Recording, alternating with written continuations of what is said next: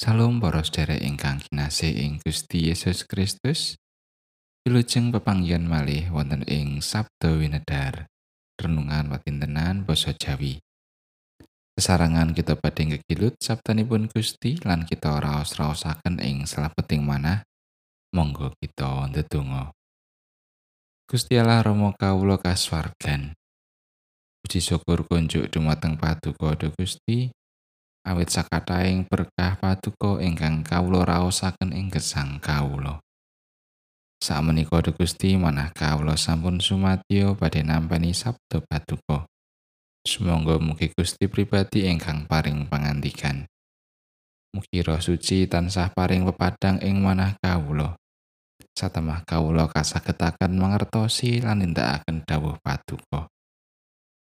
Tasih kathah dosa lan kelepatan kawula Gusti mugi Gusti kersa paring pangapunten.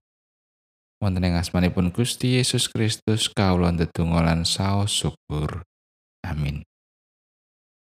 Wawasan kapendet saking Yeskiel bab tigang dosa pitu ayat sekawan likur dumugi wolu likur Abdi ningsun Daud kang bakal dadi rajane lan wong-wong mau kabeh bakal mung duwe pangon siji.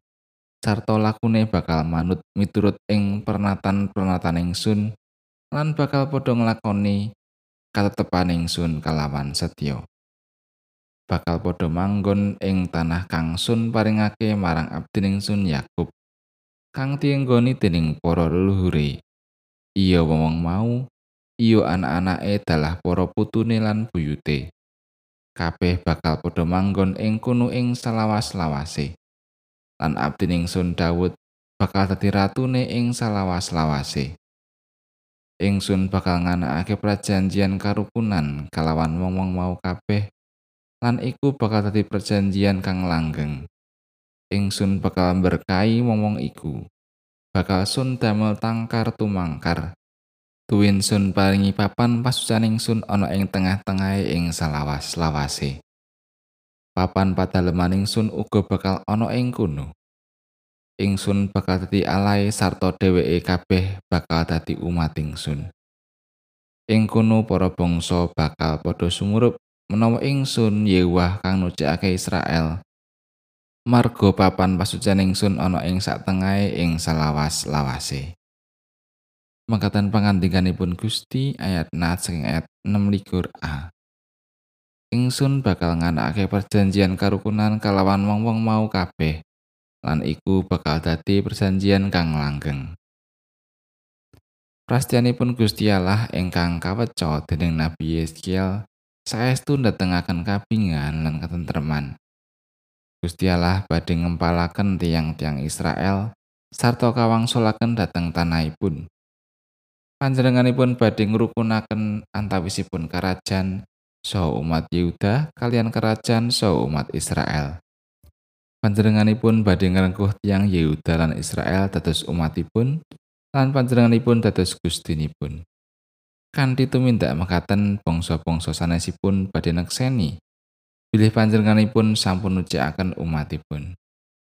Mendah elokipun menawi prastianipun Gusti Allah menika ugi saged kita raosaken ing pasrawungan nalika kita gesang ing satengahing sesami.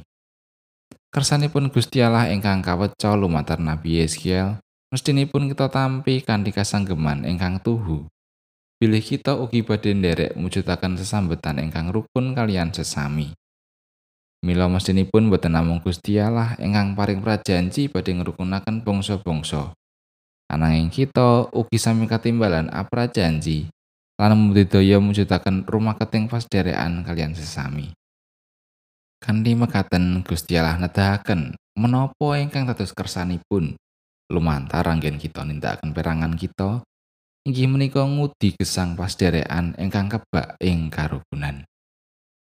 Gusti Allah ugi ngersakaken supados karukunan ing antawising pasamuan menika sumrambah ing satengahing gesang bebrayan ageng ing masyarakat.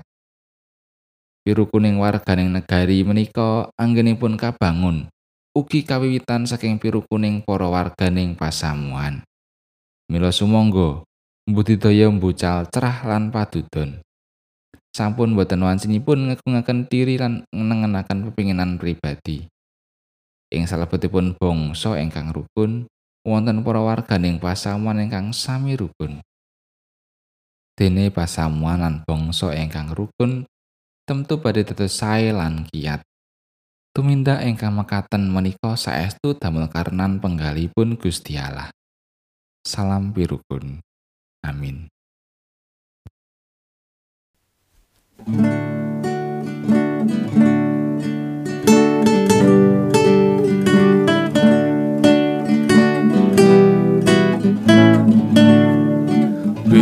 Pinuji Gusti kang nitaken jagat siang ratri tan kendat ganjar siramat. Haleluya sagung puji tansah konco Gusti. Haleluya sagung bekti pring ratus wargi